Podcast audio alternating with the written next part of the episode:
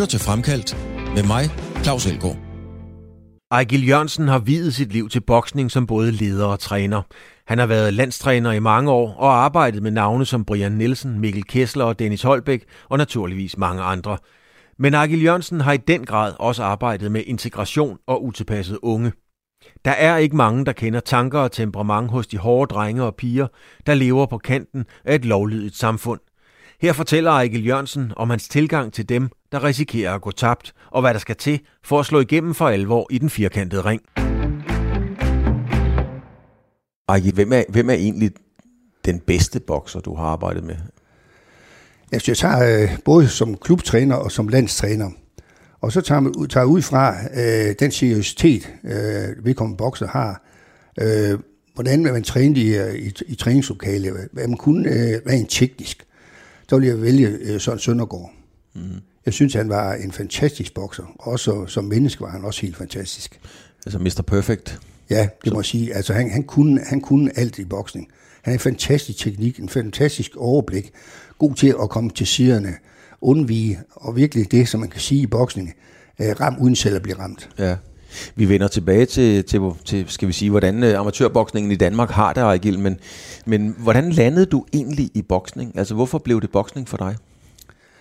Jeg skete det, at øh, da jeg var øh, 16 år, der spillede jeg fodbold i ØB, Østerbyens boldklub i Esbjerg.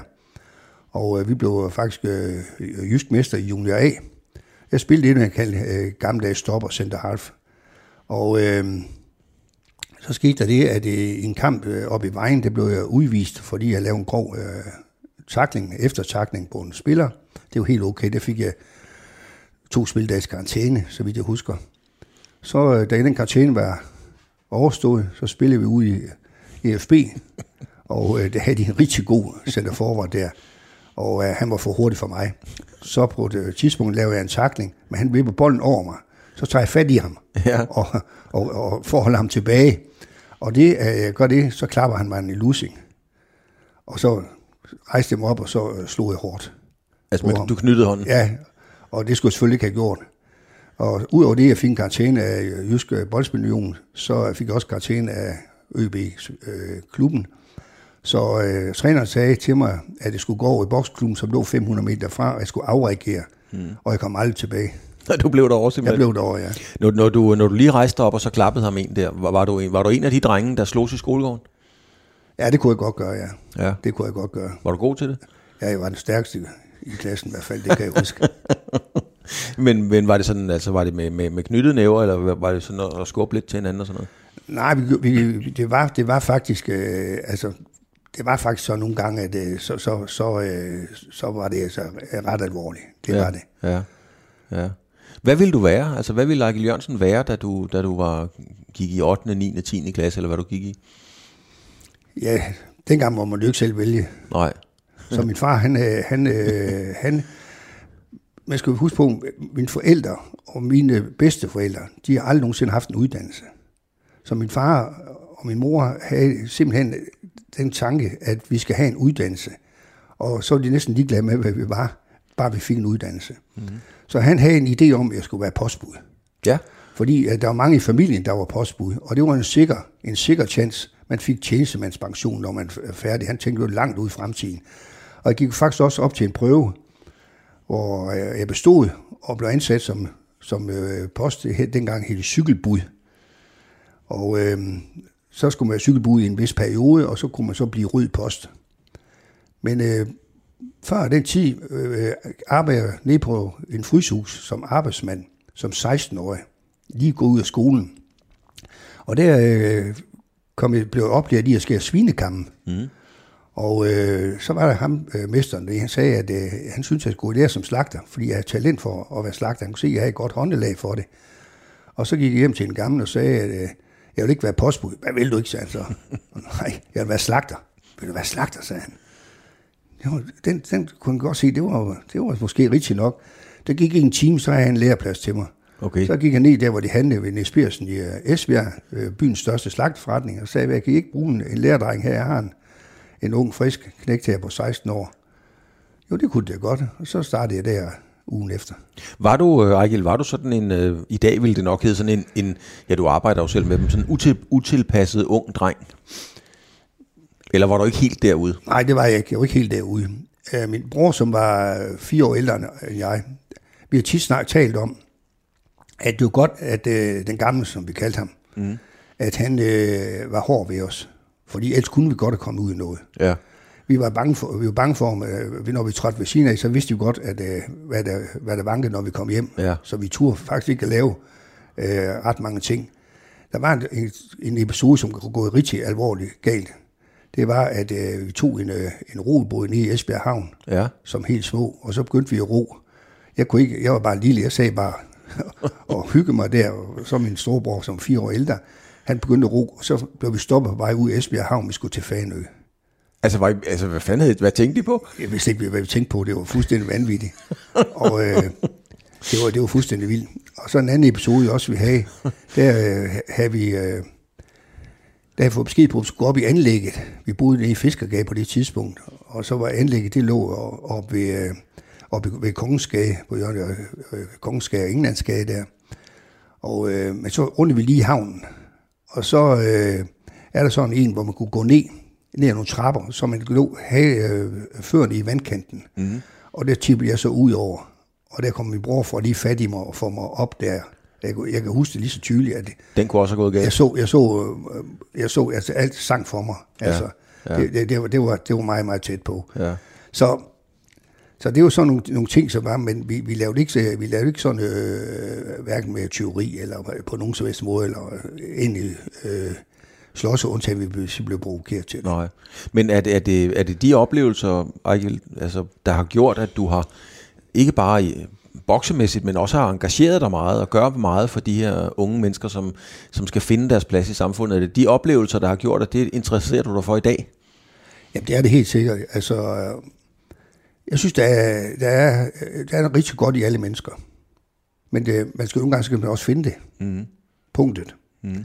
Jeg synes, at det er øh, en fornøjelse, når jeg går med min kone ned gennem øh, Kongensgade, og så vil lige hilse på, på en, så, så siger jeg, hvem var det? Jamen, kan du ikke huske? Det var da ham, vi, ham jeg trænede ude, ude i, i EBK. Og, øh, nå, er det ham? Er det Kai? Ja, det er det, siger Og så kan man stå og snakke med Kai, der, hvad laver du i dag? Han, der står kone og tre børn ved siden af det. At, så kan man se, jamen, at folk er blevet til noget. Mm-hmm. Altså, det, det kan også være en del af den boksning, man har, at man lige så siger, at vi vil gøre noget i vores liv, fordi at vi altid har levet efter en schema ved boksning. Det vil vi også gerne gøre i vores private liv. Mm. Det, det synes jeg har været, øh, været en drivkraft for mig. Ja. Er der mange af dem, som du har arbejdet med, øh, som, som hvis ikke de havde fundet boksningen, så øh, var det gået, om ikke helt galt, så i hvert fald noget galt med kriminalitet, med alt muligt? Jamen helt sikkert. Helt sikkert. Det har det.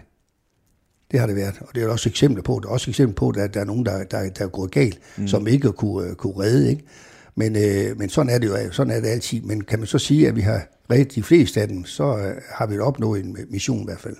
Det der med, at der er noget godt i alle mennesker, som du siger, Ariel, og det, det er jeg stor tilhænger af. Man skal bare finde det.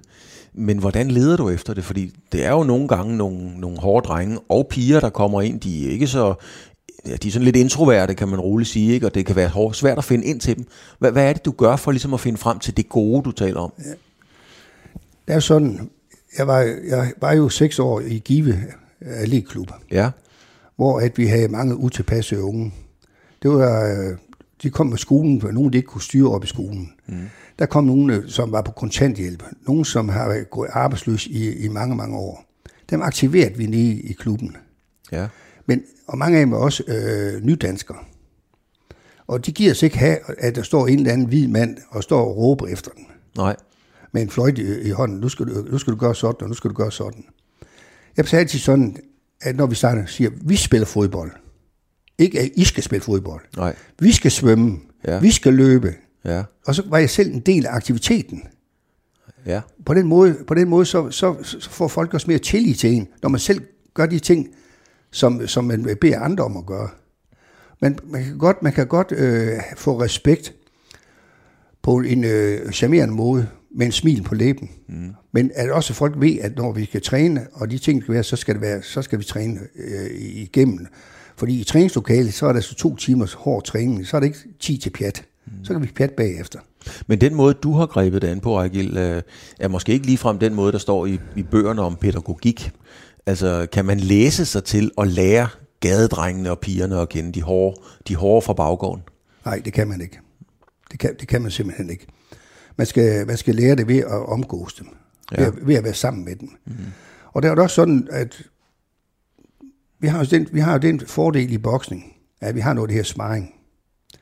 Og vi har da også haft eksempler på, og mange eksempler på også, at der er nogen, som er, spiller rigtig Dario i træningslokalet, og vi bliver også meget træt af at høre på dem. Mm.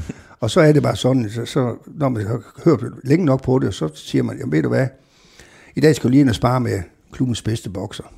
Og så siger ved du hvad, jeg er ikke træt af at høre på ham. Ja. Og så får han en, groft sagt en røvfuld. Ja.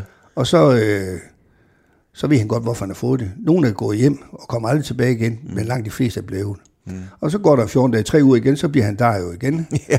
Og så siger han, hvad er det ikke længe siden, du har trænet med ham? Øh, øh, jo jo, men øh, skal vi ikke lige vente til en anden dag?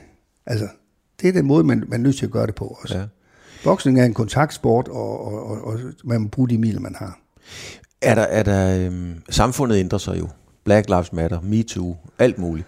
Øhm, er, der, er der forskel på i dag? Der har lige været en stor sag her i Esbjerg omkring fodboldklubben, med hvordan man uh, talte med fodboldspillerne derude ja. og sådan nogle ting.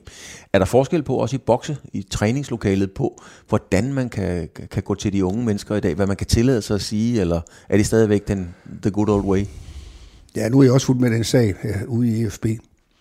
Og jeg kan sige, uden man kender øh, forholdene, enten man har set, øh, hørt om det, eller læst om det i aviserne, og set det i radio og tv, så øh, synes jeg, at Esbjerg egentlig også har trængt til, at der kommer nogle, en træner, som virkelig siger, at nu skal vi på den her måde her. Nu skal vi uh, træne hårdere, vi skal træne længere, vi skal træne mere intensivt og alle de ting. Det synes jeg, på den punkt synes jeg, at det er rigtig fantastisk. Mm.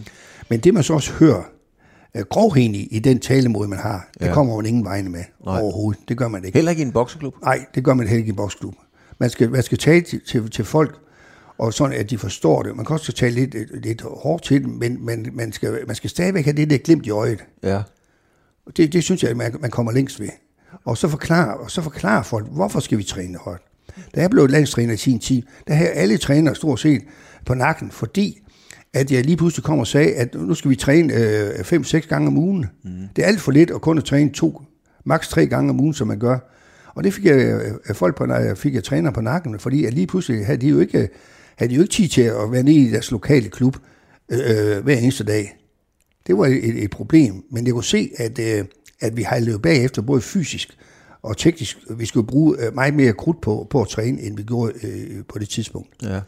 Jamen, altså, du har, det vender vi... Nej, lad os bare tage det nu her. Du har selv kastet bolden op til det. Øhm, så vidt jeg husker, så altså, det er du jo. Du var meget fascineret af den russiske bokseskole. Og jeg har da også hørt nogle af de gamle bokser fortælle, at, at du kom med Cooper-tester. Hvad kunne de russiske bokser klare sig sammenlignet med, med dem? Var, var det helt fair? Det var jo verdens bedste bokser, for fanden. Ja, der skete jo det, at Rusland de fik jo en kæmpe fiasko i 1976, går så langt tilbage. Ja. Så havde de så øh, OL i 80 øh, i Moskva. Så gik de hjem efter og evaluerede, hvad skal vi gøre? Hvad skal vi gøre for at bringe os tilbage på toppen igen? Og det indførte de jo nogle øh, træningssystemer, blandt andet fægtestilen, hvor man havde den lange førerhånd. Og øh, det, der, de, de fik kæmpe succes i 80'erne. Mm. Og jeg læste en uh, rapport, som fik oversat til dansk. Jeg læste den rapport, og jeg satte mig ind i og tænkte, det er fantastisk, at, uh, at den måde, vi skal øh, træne på. Og så, det har jeg kopieret meget af, det, der var i den i træningsbog der, og, og boksestilen, mm. og lavet de ting, der var. Og øh, det synes jeg er fair nok, fordi at øh, mange bokser siger, at jeg er i god form. Jamen, hvis træneren ikke mener, du er i god form, så må du bevise, at du ikke er i god form. Og det kan man kun gøre ved at lave tester. Ja.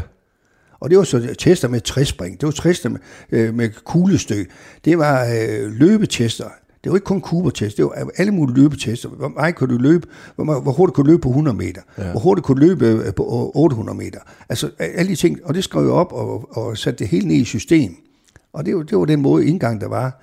Og i hvert fald i den periode, som, øh, hvor jeg var landstræner, kan jeg i hvert fald sige med 100% sikkerhed, at tabte vi en kamp, så var fordi vi mødte en bedre bokser. Vi tabte aldrig en kamp på fysikken eller på konditionen. Nej. Men lad os vende tilbage til, til, til drengene. Og, og, og pigerne også, da du var startet som landstræner osv., der var det jo mest drenge, kan man, kan man ja. godt sige. Ikke? Men, men det der amerikanske ordsprog, man siger, man kan godt tage drengen ud af en ghetto, men man kan ikke tage ghettoen ud af en dreng.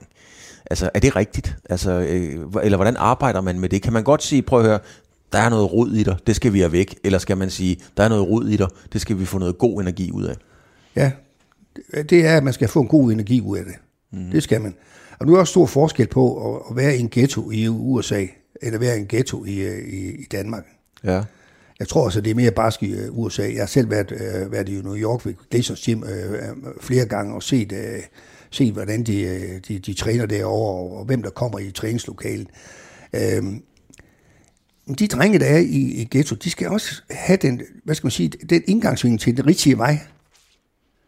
Derfor øh, startede vi jo i min sidste øh, to og en halv år, jeg var på arbejde i øh, byttesprojekt 3.1 i Esbjerg, en social, bolig, social boligprojekt, hvor vi så startede et, et bokseprojekt over på, på Bakkerskolen Kosmos i Esbjerg. Ja. Og det er lige midt i ghettokvarteret.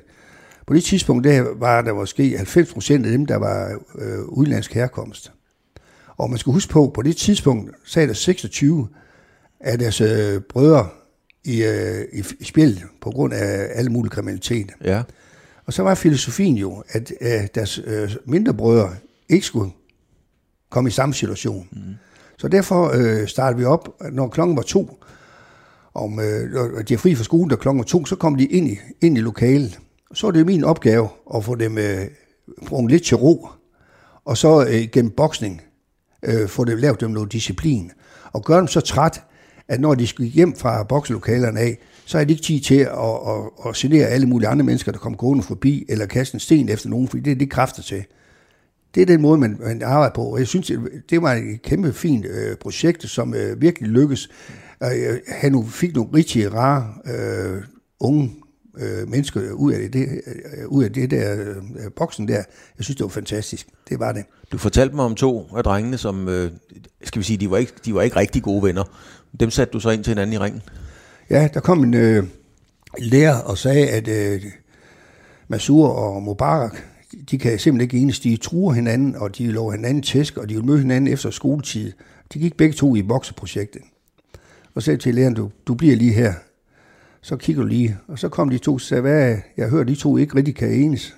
Hvad er der galt? Men det vil ikke rigtig fortælle. Mm-hmm. Og sagde, så må vi da have det afgjort. Så op, så varmede de op, og så fik de handsker på, og hjelm på, og tandbeskytter, og så, så sagde jeg, så bokse, hvis der bokserreglerne, og det ved I, at man slår ikke med inderside, og man slår ikke i nakken, man slår ikke under bæltestedet, og når jeg siger brik, så går I tilbage, og så øh, ind i ringen, og så øh, løb gongongen, og så røg de flæsken på hinanden tre gange, tre omgange, og da kampen var færdig deri, så tog de hinanden om uh, halsen, og så har jeg været lige gode venner siden den tid. Og der var ikke noget ballade siden? Nej, der har ikke været ballade siden. Altså hvis man, hvis man kom med den løsningsmodel i, i mange øh, kredse i dag, også blandt uddannede, nogen der arbejder med det, så vil de jo pege på panden og sige, ham ikke Land og Rapplen sindssyg. Ja. Griber man simpelthen det forkert an, hvordan man øh, får fat i de her unge mennesker, hvis man ikke lige øh, går boksevejen? Ja, altså, du, må sige, at altså, i skolen kan det jo ikke fungere. Øh, at en lærer sætter så til at, til at afgøre det på den måde. Nej, det går ikke. Men, øh, men altså, jeg synes også, at mange så er det for mig øh, pædagogik. Mm. Jeg kan sige, at øh, i mit arbejde øh, i byttesprojektet, var det også sådan, at jeg var undervist på øh, Bakkeskolen i økonomi. Og øh, lærerne sagde til mig derovre, at det er fantastisk, at, øh, at der er sådan en ro i det lokale, for du står derinde, frem for når vi er derinde. Ja. og det er jo så fordi også der var en to-tre stykker, der var i, øh, der var i bokserprojektet. Og når de andre begyndte at, at hylde lidt op, så sagde de, Ej, rolig, rolig, rolig, hør nu på, hvad Eichland siger. Altså, det var, sådan, at det var respekten mm-hmm. over for mig, at de også synes, at, at, at, at, at de skal også vise respekt, når jeg så kommer og fortæller dem noget om økonomi. Og så var jeg selvfølgelig også i den gode situation, at dem, der var i boksprojektet, at mit daglige arbejde havde forældrene, mm. som jeg hjalp. For eksempel med at lave budgetter. For at, øh, hvis ikke de kunne betale husleje, så øh, kunne jeg få lavet en aftale med boligforeninger og forskellige ting, ansøgninger og forskellige ting. Så når de kom hjem, de, hørte, de unge mennesker hørte mig, der hørte tit derhjemme forældre sagde, at vi kan ikke få penge til at slå til. Men de hørte også det sagde, vi er lige ved over, at vi har fået, øh, vi har fået øh, lavet budget, vi har, vi har fået øh, øh, hvad det er, rest, restancen på huslejen, den har vi fået udsat lidt og forskellige ting. Så han er rigtig god, ikke? Mm. Og, det, og den tager de unge mennesker jo med, når de kommer over bokslokalet, så det er jo en kæmpe fordel. Det er en kæmpe fordel, at man, at man kender folk, kender fordel af, at man, at man er den person, som man er. At man ikke, ikke laver om på sig, fordi man går rundt med unge mennesker. Jeg har altid sagt sådan, for at rende rundt med, for at have unge mennesker, skal man ikke, øh, for, for respekt, skal man ikke rende rundt med en kasket, og øh, gummisko, og øh, træningsbukser, og alle de ting, og ligne dem. Det behøver man ikke gøre. Mm. Man skal være nøjagtig sig selv, som man gerne vil have det, og så skal man øh, prøve at øh, undervise dem med lidt glimt i øjet hver gang, mm. man laver nogle ting. Men, men Ejgil, du har jo været lige så meget socialrådgiver næsten, som du har været boksetræner. Altså, det er jo mange opgaver som boksetræner. Det er jo ikke kun dig, men, men især dig. Det er jo mange opgaver, I tager på jer og hjælpe med at få udsat restancen til husleje og sådan noget. Det er jo ikke meget med en boksetræning at gøre, men, men det er jo også de opgaver, I får og påtager jer. Hvorfor det? Hvorfor gider I det? Jamen, jamen det er jo, jeg synes, det, det er jo et, øh, en opgave for samfundet at gøre det. Mm. Og jeg mener også, så er vi jo en del af samfundet. Ja. Det var det jo. Altså, ja, min filosofi har altid været sådan. Det er, at vi skal ikke bruge den østtyske model, hvor at øh, samfundet er totalt ligeglad med, øh, om folk de siger en kørestol efter en aktiv karriere, bare de ser med tre medaljer om halsen. Ja. Nej, vi skal, vi skal, vi skal drive, som, som, Danmark siger, at man skal gøre det på, drive sport på en social og samfundsmæssig forsvarlig måde. Mm. Jeg sagde otte år i Team Danmarks repræsentantskab, valgt af samtlige øh, træner i hele landet, ikke kun boksning, men for fodbold, håndbold, badminton, der var jeg valgt, der sagde jeg i otte år. Mm. Og det gav mig også den social indsigt i, også den filosofi, som Team Danmark havde, at øh, vi skal sørge for, at, øh, at de bliver rigtig gode idrætsudøvere, men de skal også have en liv bagefter. Mm. Og det har jeg altid, det har jeg taget med mig, og, øh, og jeg har gjort rigtig meget for, at jeg har skaffet mange lærepladser øh, til unge mennesker, som jeg har haft. Fordi jeg har sat en stor ære i, at, øh, at, øh, at når jeg hører, at jeg, jeg giver ikke arbejde, eller jeg, jeg vil ikke have nogen uddannelse, eller noget, som siger, nej, nej, hvad, hvad kunne du tænke dig? Så prøver vi at, at, at finde ud af i fællesskab, hvad, er det, hvad for en uddannelse er det, man kunne tænke sig. Mm. For jeg, jeg tænker hele tiden tilbage på min egen barndom, hvor mine forældre sagde til mig, det vigtigste her i livet, det er at få en uddannelse. Fordi de ikke selv har haft en, mm. og deres forældre har heller ikke haft nogen. Og det har jeg også gjort over for mine egne børn, at det er meget, meget vigtigt, at jeg har en uddannelse. Men den tid, du taler om med Team Danmark, har det været, ja, det må have været Prem Kravlund, ikke?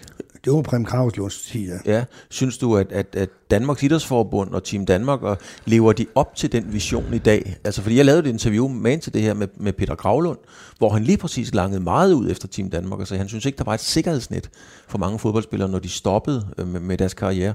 Har man fortsat den vision, eller, eller lader man dem være lidt i stikken?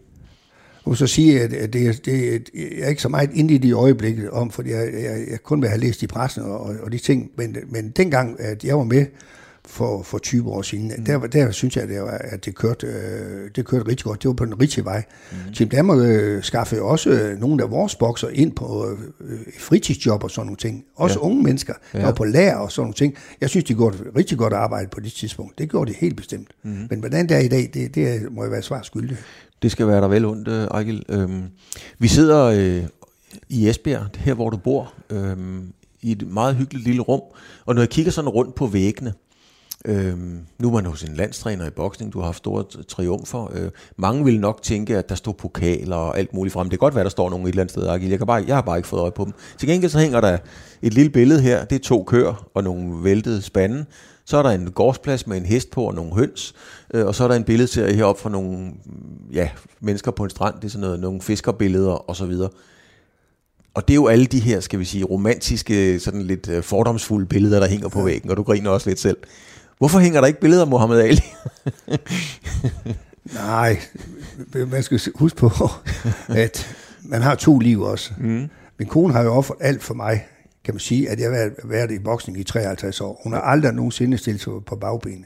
Nej. Da jeg er landstræner, har jeg været år, hvor jeg var væk 300 dage fra, fra, fra det Esbjerg af. Jeg har aldrig hørt en eneste beklagelse så synes jeg ikke, at det er rimeligt, at hun også kan se øh, på, øh, på øh, bokseplakater og sådan nogle ting dem er vi med ude i klubben, og så har vi et privat liv herhjemme. Altså det skiller, I, det, det skiller vi fuldstændig. Fuldstændig ad. Ja, det gør vi. Ja. Gider, gider fruen, nu har hun, nu har hun jo sådan i, i godsøjne og sagt med stor kærlighed, hængt på dig og boksningen i, i, i 53 år, eller ja, jeg har lige haft guldbryllup, ikke? Øhm, gider hun tage med ud til et boksstævn? Har hun nogensinde givet det på vejen? Nej, det, det har hun ikke. Hun, hun var en gang med, da jeg var træner i Esbjerg. Ja. Der var en gang med til Jysk Mesterskab, hvor der rigtig var mange bokser. Vi boksede til, til kl. 1 om natten og sådan ting. Så skulle vi ud og have noget at spise bagefter. Hun så mig faktisk, at jeg havde 10-11 bokser med fra Esbjerg af. Jeg var inde i omklædningsrummet hele tiden, op i ringen og i omklædningsrummet. Og hun sagde bare og kiggede på boksning. Og så skulle vi have noget at spise. Så boede vi lidt uden for byen, 5-6 km uden for byen, og det var vinter. Vi kunne simpelthen ikke få en taxa hjem. Vi stod og frøs der, så sagde hun, at jeg kom hjem på hotelværelset. Det er sidste gang, at jeg er med til boksning. Og hun har ikke været med til Jysk Mesterskabet overhovedet, overhovedet siden Det har hun ikke. Hun har været ude at se, øh, da vores søn boksede, og da vores datter øh, mm. også boksede, men, men hun er så ikke vild med, at de gjorde det. Hun sagde tit til mig, at øh, jeg skulle garantere, at der ikke skete noget. Jamen, det kan jeg jo ikke garantere. Nej. det kan jeg jo ikke garantere. Altså, jeg kan jo ikke se, og det er nemlig det, man skal passe på, når man ser som forældre, så skal man passe på, at man ikke bliver beskyttende, når man har en, en af egen børn, der bokser. Mm. Man skal nødt til at analysere en kamp ud fra det, man ser, og ud fra det, man har gjort for hvilken som helst anden bokser. Mm. Man kan ikke nytte, at man går i forsvarssituation og, og tænker på, at nu må de endelig ikke blive slået ud. Risikoen er der. Og det har man også forklaret dem forhånd. Altså bliver ramt på kæben, så er det, kan det være, det er slut. Så er det slut, ja. Men når jeg blander din, øh, din, din kone ind i det, så er det fordi, at, øh, at øh, mange bokser får jo et så tæt forhold til deres bokser, at de på et eller andet niveau næsten bliver en del af familien. Nu ved jeg ikke, om du har haft nogle af drengene eller pigerne boende, men det er der mange andre boksetrænere, der har. Altså der kommer et vanvittigt tæt forhold, hvor jeg, jeg har sådan en fornemmelse af, at mange bokser, drengene, de ser sådan lidt en faderskikkelse i, i træneren i virkeligheden. Er det sådan, det er? Det er det, er det for nogen. Mm. Sådan, sådan har jeg aldrig selv vil opfatte som på den måde. Øh, vi har aldrig haft øh, nogen øh, boende gennem, gennem længere tid, og jeg, jeg føler heller ikke, man skal man skal dele privatliv og så bokseliv for sig selv. Det har vi. Altså, øh, da Thomas Damgaard, han øh, blev opereret i, i, i næsen, der boede han hjemme også. Jeg skaffede ham en specialist her, i, her i Esbjerg. Ja. Der boede han hjemme også øh, før og efter operationen, og kørte ham til, til slagelse og de der ting der, ikke også? Men, men jeg, jeg vil jo ikke have bokserne boende igennem længere tid, og de skal ikke opfatte sådan, at, at, at vores hjem er sådan et, øh, et boksehjem. Nej. Det, det har vi altid holdt. Altid. Det er meget vigtigt at holde de der ting adskilt. Men hvordan har du kunne gøre det, Agil? Fordi for mange andre trænere, altså, altså jeg mener, drengene får jo det her forhold til ja. træneren, fordi der er måske modsat, hvad de møder derhjemme, et holdepunkt. Her der, der er en, der har styr på tingene for dem. Ja. Så hvordan kan du skille det Jamen det er fordi, at, at, jeg, at jeg, jeg ønsker på en måde ikke, at, at, at, at jeg, jeg, jeg kan lide alle de bokser, jeg har haft. Ja, klart, ja. ja. Og det, og det, jeg, vil bare ikke, jeg vil ikke være den faderskiks for den. Det vil jeg ikke. Nej. Og jeg har, sagt, jeg har sagt til vores barnebarn, som er 12 år, som bokser også nu her, jeg har sagt, du skal huske på én ting, det er, når vi er hjemme privat, så er du mit barnebarn, mm. og, så, og så, så er jeg bedstefar for dig. Når vi er herude i bokseklubben, så er du bokser, og så er jeg træner. Mm. Og de to skal vi holde adskilt. Mm. Og sådan, sådan er det, fordi at han ved godt fra hans mor, Helle, som har bokset øh, i mange år, hun ved jo godt, at, øh, at en gammel godt kan tænde lidt af, hvis ikke man gør, hvis man gentager tingene øh, 10 gange, og det ikke bliver gået rigtigt. Så kan man godt sige, hør nu, nu må der så forstå det. Og det må han også kunne forstå, at, at der er en grænse for, at man, man, man, man er nødt til at gøre sig umage. Og det, og det er altid sagt, hvis man, det er ikke sikkert, at man, at man bliver den bedste, men bare man gør sig umage med alting, så kan man risikere at blive den bedste. Men hvis man bliver med det her far søn, så er der jo i boksehistorien mange eksempler i Danmark øh, nu. Øh, hvad kan vi komme i tanke om? Øh, ja, Dennis Holbækker havde, havde sin far Vagn i ringhjørnet, Frank Olsen havde Richard i ringhjørnet, Richard Olsen osv. Er det en fordel eller en ulempe? Fordi boksning er jo så meget anderledes end badminton, kan man sige. Ikke? Altså, når man står som far og ser en søn balancere på, på randen af et knockout, er det en ulempe at have farmand i hjørnet? Ja, man, kan, man kan sige, at der, der, er to, der er to fædre i den, i den sammenhæng. Det er, der, er det, der, der er den far, som beskytter sin bokser hele tiden. Mm. Hele tiden går ind og, og ser på, hvem skal han det møde. Nej, det er for hård. Det er den, det, vi kalder pyllerfar der, ikke? Mm. fordi det er ens egen søn. Så er den anden, som egentlig øh, masser om alt for hårdt. Pæser dem frem. Ja. Masser om alt for hårdt. Ja. Og siger, nu skal det, nu skal det bare. Det er, det er der også mange eksempler på. Så øh, jeg synes, det, man, skal, man skal være nuanceret.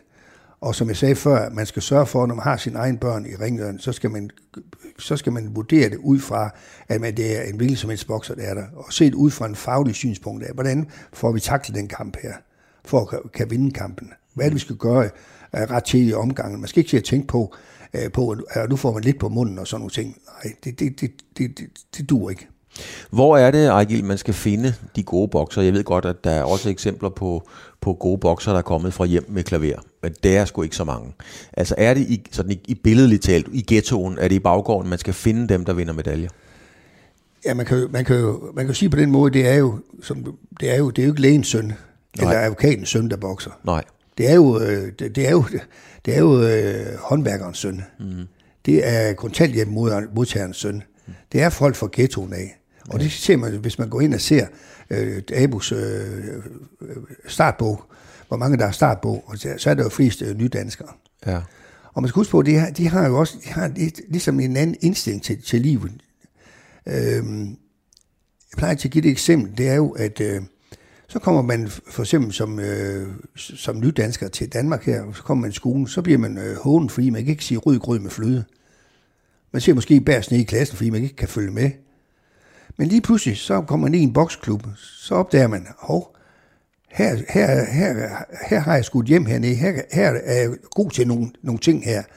Og så øh, kommer man op i hallen efter en periode, man så skal bokse, og så vinder man en kamp. Så alle dem, der har hånet ind nede, nede i, øh, i skolen, de står nu og klapper, fordi man har vundet pokal. Det er den måde, man bliver accepteret på. Mm. Og det, det, det er den måde, man også kan se, at nydanskere de bliver accepteret på, ved at de bliver bedre end, end danskere. Så har de også lidt hårdere indstilling til dem. De har jo set både krig og alt muligt ting. De har en helt anden indstilling til, til, til det der med at, at bokse, end mange andre danskere har. Fordi at uden at forklare nogen, så kan man sige, at mange gange så giver danskerne op, når gæret, øh, springer over gæret, hvor gæret er lavest. Mm. Og det, det, det gør de ikke, de hårde drenge derfra. Men Ariel, hvad, hvad er det, der skal til, når man kommer derind? Fordi der er jo mange mænd, og jeg har sikkert været en af dem, som har stået foran spejlet, og så har man skyggebokset lidt, og så tænker man i fuld alvor, jeg kan godt vinde over Mikkel Kessler, eller i hvert fald give ham kamp, ikke? og det kan man jo så bare ikke, når det kommer dertil. Hvad, hvad er det, der skal til for at nå til tops i boksning? Man skal, man skal have viljen. Mm. Man skal have viljen til, til at, at, at blive en rigtig god bokser. Man skal have, man skal have viljen til at kan lytte til, til træneren. Og så skal man selvfølgelig have, have talent. Altså, det er sådan, i, jeg plejer at, når der kommer nye bokser ind, så plejer jeg at give dem en bold. Så skal de rende rundt og lave nogle, nogle øvelser med bold, kaste til hinanden og lave benarbejde med bold. Men kan folk, kan folk ikke ko- koordinere mm. bevægelserne, så bliver det aldrig bokser. Nej, det kan du se med det samme. Det kan man se med det samme. Ja. Hvis ikke de koordinerer bevægelser, så bliver det aldrig bokser. For den koordination, den skal man have fra barns ben af. Mm. Det, det, er ikke noget, man, det er ikke noget, man kan lære. Det er ikke noget, man kan lære. Det er afsættet til, over, om, om der overhovedet er noget at bygge på. Ja, det er det. Og det, det slår som regel aldrig fejl. Hvad med det her med, at øh, man snakker jo altid om, at øh, jamen, han slår ikke så hårdt. Så, så kunne man sige, hvis det var en fodboldspiller, der ikke kan sparke med højre ben, så kan man jo træne med at sparke med ja. højre benet. Kalule er et godt eksempel, det er skoleeksempel. Verdens bedste bokser, men han kunne ikke slå, altså når han bankede på, så var der ingen, der kunne høre det. så kan man ikke lære at slå hårdt, Arkel? Altså, det at slå hårdt skal man, også, skal man også ligesom have, men selvfølgelig kan man, kan man lære det, og det, det er jo en kombination af, af, af teknikken. Mm. Altså, hvis man, øh, hvis man kun slår med armen, jamen, så, så slår man ikke ret, særlig hårdt. Men hvis man hele tiden får, får kroppen bagved, man får strukket godt igennem, så står man selvfølgelig øh, hård. Så er der et spørgsmål om at slå præcis. Altså, teknikken den er, er god, at man slår præcis. Hvis man helt konstant øh, slår op i, op i øh, panden, eller man slår ved siden af, jamen så, så, så sker det jo ikke ret meget. Det vigtigste er jo, at man, at man får kroppen bagved, bagved ved støene, at man, at man så også rammer præcis, hvor man vil ramme hende. Men men øh, altså man kan se sådan Jørgen Hansen for eksempel, han havde jo, han havde, han havde skraldet, ikke også? Jo, det må man sige. Det, det kan du sige, og, og, og, og, og så en tit tilpas presset, at han nogle gange slog også bare i panik. Men han vidste, hvis han ramte, så faldt de også. Ja, så faldt de. Så, så, så det, er, det, er, altså det at slå hårdt, det er, jeg vil sige, det er næsten mere medfødt, end noget, man, man, man kan lære. Altså det jeg gerne vil, når jeg spørger om, om det, fordi man kan sige, hvis man ikke er interesseret i boksning, så er man heller ikke interesseret så meget i, hvor hårdt man slår. Men, men det jeg gerne vil, vil, vil prøve at få lytterne med ind i, Argil, det er det her med, at vi har hørt, at du har en vis rolle som socialrådgiver. Der er husleje restancer, der ikke er blevet betalt. Man skal have drengene og pigerne til at fungere. Man skal også lære dem at slå hårdt. Altså, er, er det her med boksning, er det i virkeligheden sådan en livsstil, mere end det er en træneruddannelse? Jamen, for mig har det været en, har det været en livsstil.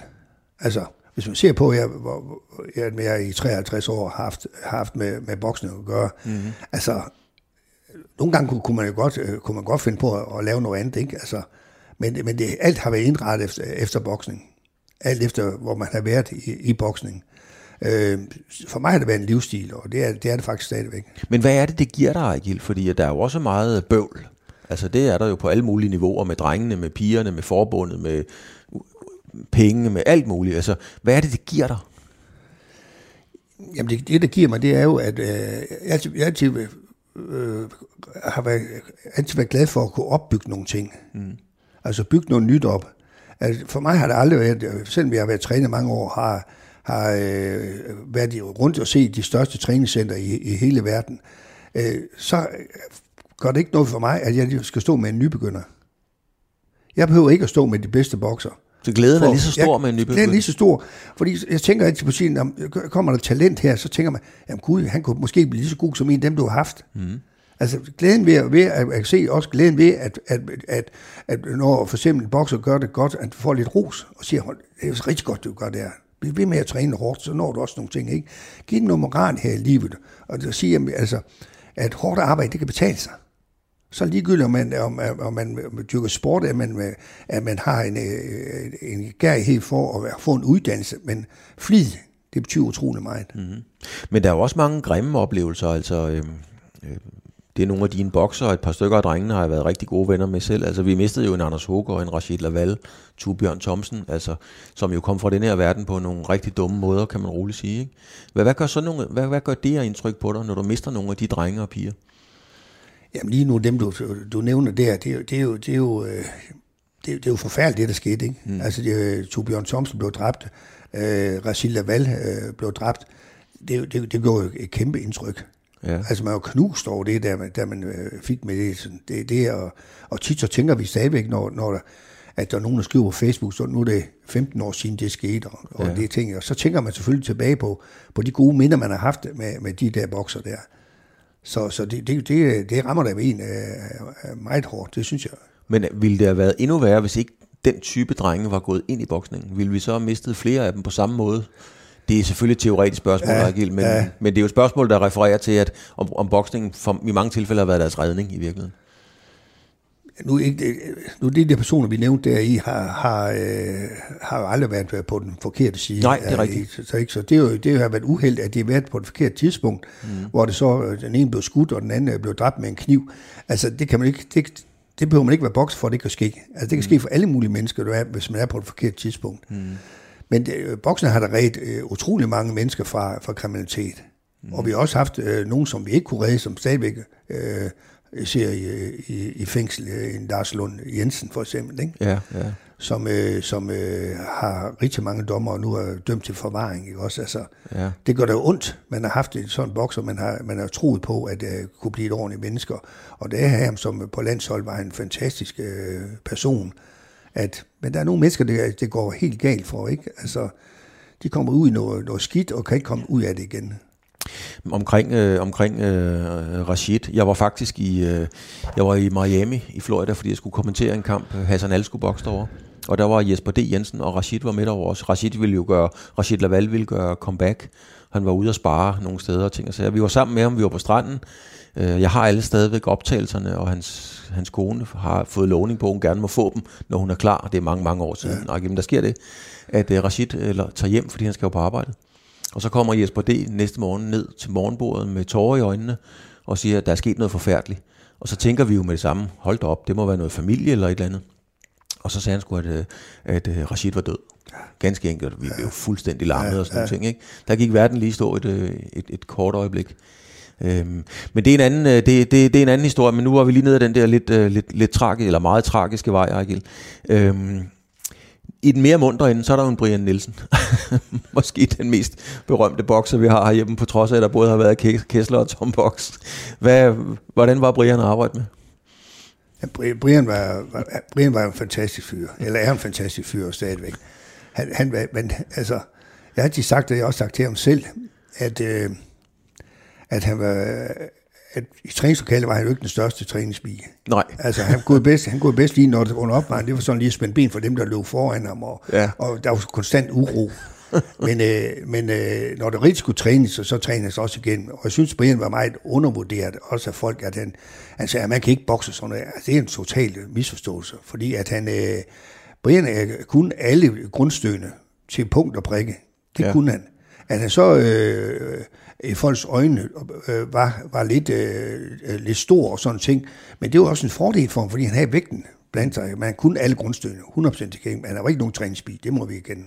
Hvordan, hvordan var han øh, at arbejde med? Fordi han er jo, han er jo legendarisk for hans ja. udtryk og den måde, han siger mærkelige ting på, og sjove ting, og ja. kloge ting også en gang imellem. Ja. Det er jo det hele. Hvordan fanden var det at gå i træningslokalet med Brian? Jeg kan huske, øh, da vi skulle øh, til OL i 92, der var vi træningslejre alle mulige steder. Vi var i Rusland, vi var i øh, Tyskland, vi var i Tjekkiet, eller vi var i Polen, og vi var så i USA, i Glasons hjem. Mm. Og, og øh, dengang vi kom derover, på vej i flyveren, så sagde Brian, det vil være en kæmpe fordel for dig, hvis du vil tage 10 kilo. Ja, hvordan kan man tage 10 kilo? "Men ved du hvad, hvis du kører efter min opskrift, vi skal være der en måned, så kan, vi, så kan vi gøre, jeg går med på den samme kurs, som du gør. Ja. Det er igen det der med vi. Ja, Ja. så, så, så det gør vi. Vi kom derover, og vi trænede knaldhårdt to gange om dagen. Og det var så med, på min måde med, hvordan han skulle spise de ting, og han kom, og han tabte. Og han spurgte sagde så, hvordan kan man gøre det? Sagde jeg, alt, alt det, der smager godt, det er usundt. Der er ikke noget i en kugle, som din krop har brug for overhovedet. Så der har vi, der stopper vi. Pomfritter og alle de ting, det stopper vi. Alle de ting der. Mm. Og det, han trænede fantastisk godt, og vi tabte begge to øh, 10 kilo. Brian synes godt, at min kur var bedre, for jeg tog da en botweiser til salat. så da vi så kom til, øh, til Barcelona, så, øh, så fik jeg en, øh, en meddelelse om, at han, øh, at han øh, lå nede i hængekøjen og med en cigaret og en cola. Og så, har jeg fat i ham siger, Brian, for fanden, hvad, hvad, hvad, hvad, hvad er du gang i? Du står her nu og skal bokse ind i livs vigtigste kampe, og så øh, ryger det havde vi enige om, at du ikke skulle ryge. Ja. Og, nu, og ikke det der cola. Der findes jo ikke noget i en, i en cola, som din krop har brug for. Nej. Ej, det er rigtigt, du må undskylde, og alle de der ting der. Så vinder han og kommer frem der, så bliver interviewet af tv. Og så øh, siger intervieweren til ham der, siger, Brian, det er fantastisk, du har tabt 10 kilo der. Hvad, hvordan har du gjort det? Så siger, ja, siger han, det er ikke så svært. Der findes jo for eksempel ikke noget i en kugle, som min krop har brug for. og jeg stod lige bagved, bagved der.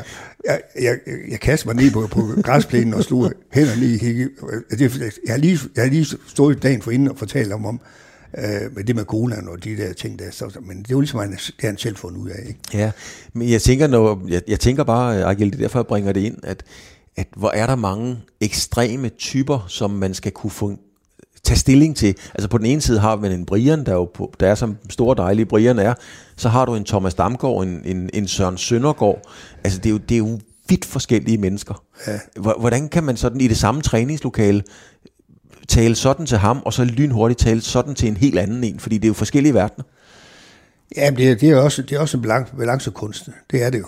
Uh, nogen skal jo have lidt, uh, lidt, lidt mere uh, på den pædagogiske måde, andre skal have lidt mere med, med, med grovfilen. Ikke? Mm. Specielt dem, som ikke uh, konstant altid er overvægt. Mm. Uh, det, det er tit uh, svært. Men, uh, men det, der gælder om, det er jo, og det er i hvert fald, da jeg var landstræner, har vi rigtig mange træningslejre. Og øh, jeg gjorde altid det, at når vi var på træningslejr, og når vi er ude i turneringer, så brugte jeg det, der, brugte jeg det, det system, at alle skulle, skulle altid bo tre på et værelse. Og mange siger, hvorfor skal vi bo tre på et værelse? Det er mange, der spurgte mig, ikke bokserne, de vil acceptere de ting der. Men alle mulige andre, hvorfor skal vi bo tre på et værelse? Jo, siger, det er, to kan blive enige om, at træneren er en idiot. Det kan tre ikke blive. For den tre vil altid sige, nej, det er kun i dag, han er idiot. Og derfor er det vigtigt, at man, at man har også, at det går på omgang, at det ikke er det samme hele tiden. Ja. For lige pludselig skal du ud med, med to bokser, og de har aldrig boet på værelse sammen. Mm. Fordi man danner nogle klikker. Og så synes man, at træning, to kan blive enige om, at træning er alt for hård. Og det er vanvittigt, øh, måde vi skal træne på i dag og sådan ting. Men det kan tre aldrig blive enige om. Nej. Så Når man, man- når igen man psykologien. Ja, når man har sat dem sammen på en rigtig måde. Ikke? Ja. Er du, øh, det har jeg altid haft indtryk af, Ejgil, at du, øh, er du lige så god til at læse mennesker, lige med det samme, som jeg går og bilder mig ind? Ja, det, det jeg mener også selv, jeg, jeg, jeg kan, og, og specielt når jeg har været sammen med dem en stykke tid, mm. Så øh, kan man se øh, svaghederne, man kan se øh, de gode evner på, på, på folk også. Og øh, nu har vi haft år med det, som med svømmepigerne, hvor de øh, med det der øh, med vægte, Ja. at de øh, blev kørt hårdt, de blev, øh, at de blev øh, vejet og i alt offentlighed og sådan ting. Altså ikke nogen hemmelighed, at vi har, vi har også problemer i, øh, i boksning med, med vægte. Mm. Og, øh, og jeg bare stille mig, mig krav, hårde krav til, at øh, folk skulle være vægt og sådan ting. Og øh, de blev vejet hver eneste morgen. Ja, også offentligt, altså foran Ja. de andre. Og, Ja, ja, der, Ja. Var, der var slet ikke noget. Det, det gjorde vi. øh, Og, øh, og øh, det var sådan, at øh, så fik de også ros, når de var i vægt og sådan noget. Men det opdagede så på et tidspunkt, at de, blev, de, var, at de så lå i karbag et par timer, før de skulle op, ja. før de skulle op og vejes. Og, fordi at de, ikke, at de ville ikke stå der, og så være for mig. Ikke? Og, og, og, og, man kan sige, jamen, jamen, altså, jeg siger ikke, hør det, jamen, det, er jo, det er jo jer, der tager til ansvar for det her. Jeg skal bringe jer i form, jeg skal bringe jer i, i vægt, og det, men det er, en, er jo en af jeres egen mm. opgaver at komme i vægt. I er for eksempel udtaget i, øh, i letvægt til 60 kilo, fordi I er blevet dansk mester. Mm. Så kan det ikke nytte, at man kommer og vejer 63 kilo i en træningslejr, eller man skal ud i en kamp. nej. Det, det er jo jeres eget ansvar. Men når nu står vi i situationen, så er det mit ansvar at få dem i vægt. Mm.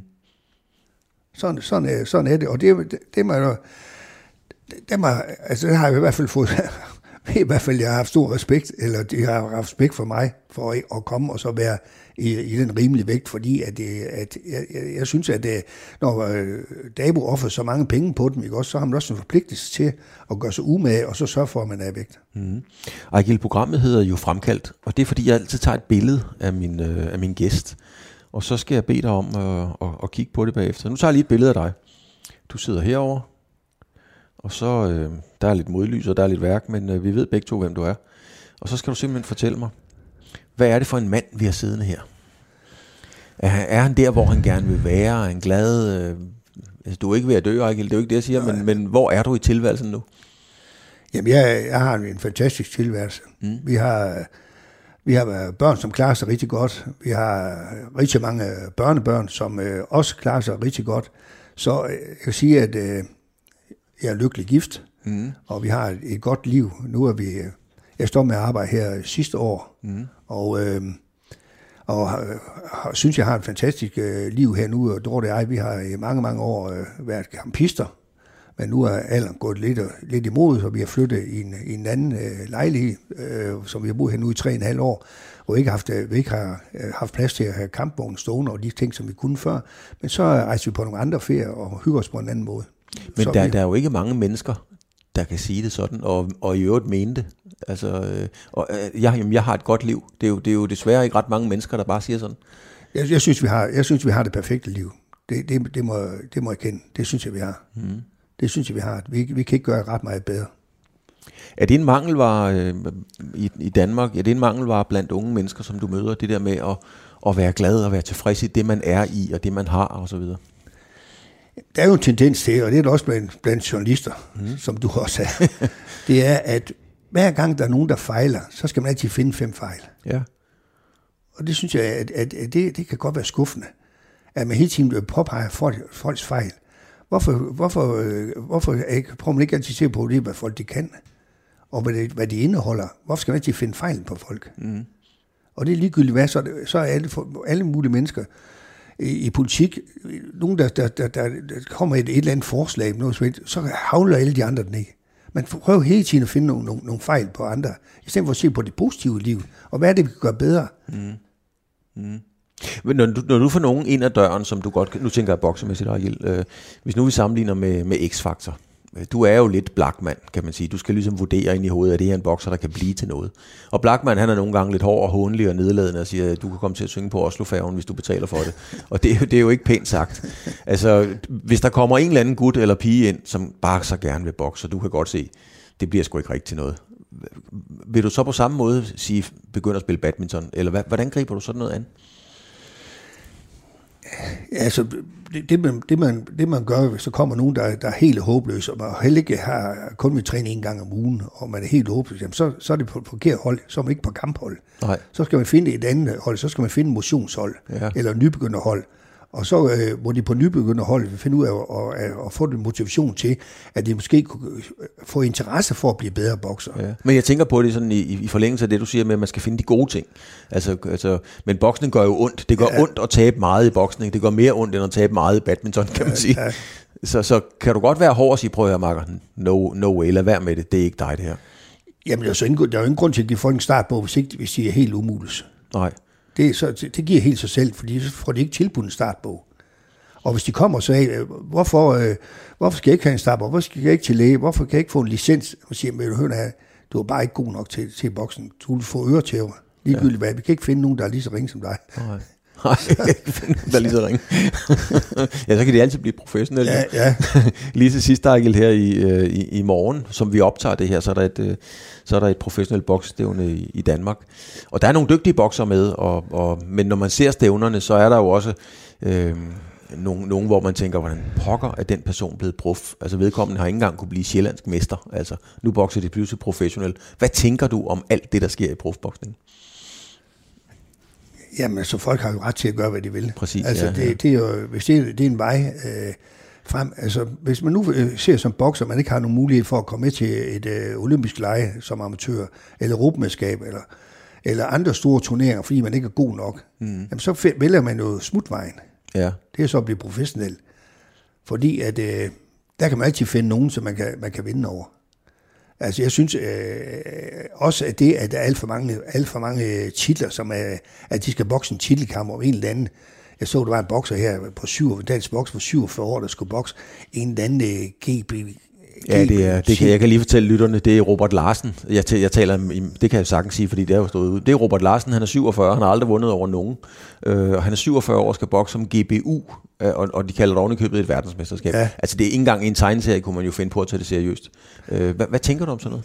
Jamen, jeg, altså, jeg synes, jeg synes at de ødelægger øh, den professionelle boksens renommé ved at komme op med, så kan han gå hjem, og, og hvis han vinder den kamp, kommer hjem med sådan en stor, flot øh, bælte der, ikke, som er, intet værd. Ja. Jeg synes, at mine øjne er det latterligt. Ja. Gør det ondt i dig? Altså, men du har slidt og slæbt for, for sporten i, i 53 år. Ja, det har jeg. Og jeg har aldrig, jeg har aldrig været i ringjørn med en professionel kamp. Nej. Det har jeg ikke, fordi at jeg har, jeg har altid holdt mig til, jeg synes, at uh, amatørboksen er, er det mest rene sport. Uh, og ikke sagt, jeg har, været, jeg har været rundt til mange professionelle kampe. Jeg har set det, uh, mange Tom Box kampe. Jeg set mange af Jørgen Hansens kampe, Kalule, og dem, jeg interesserer mig og ser også uh, professionel boksen. Men jeg gider altså ikke se nogen, som, uh, som ikke, s- altså som spændingsmomentet også for lille. Altså det, der er vigtigst i alt sport, det er spændingsmomentet. Mm. Men når man ved, at det, hvis man ser øh, øh, mange af de professionelle, også da Måns Palle var på toppen, og øh, Sauerland, når man ser de stævner der, jamen, Rød, som øh, Jørgen, som repræsenterer øh, øh, den promotor, som arrangerer det, de vinder øh, alle 10 kampe over Ja. Blå Jørgen. Ja, der er Og ikke noget er, ingen- sportsligt. der er ingen, der er ingen, der er ingen, altså, Spænding, det, nej. man får en chok, hvis der er en, der, en, der bliver slået ud af favoritterne der, ja. ikke? fordi det er jo det er total utur. Og man kan gå ind og se nøjagtigt, hvor mange kampe de har, og hvor mange sejre de har, og hvor mange de har vundet ikke? og tabt. Og de, langt de fleste har jo tabt mange, rigtig mange kampe. Ikke? Men har du fortrudt dig, Agil, vi, vi er ved at løbe for tid, men har, du- har du fortrudt, at du trods alt ikke har taget den oplevelse med at være i ringhjørnet? Du kunne have været, altså, du havde jo Brian Lenz, og Brian Lenz har jo været en af de dygtigste boksere herhjemme, og havde jo også hele pakken. Han var lidt akavet, men det kunne være en fordel. Men har du fortrudt, du ikke også fik den oplevelse med at være, at være i ringhjørnet til en prof? Nej, det har jeg aldrig fortrudt. Det har jeg ikke. Det har jeg aldrig fortrudt. Det er ikke, jeg, jeg synes ikke, at, øh, jeg, jeg, jeg, jeg synes ikke, at man, øh, altså, hvis jeg har sat som matchmaker mange gange, og også som landstræner var ude i en turnering, så, så har vi sagt, når vi ud, ude, hvis du er god nok til at komme ud i en, en international turnering, så må du bokse den, der er, om så er det verdensmesteren. Så må, du, så må du møde ham. Sådan, sådan er det bare.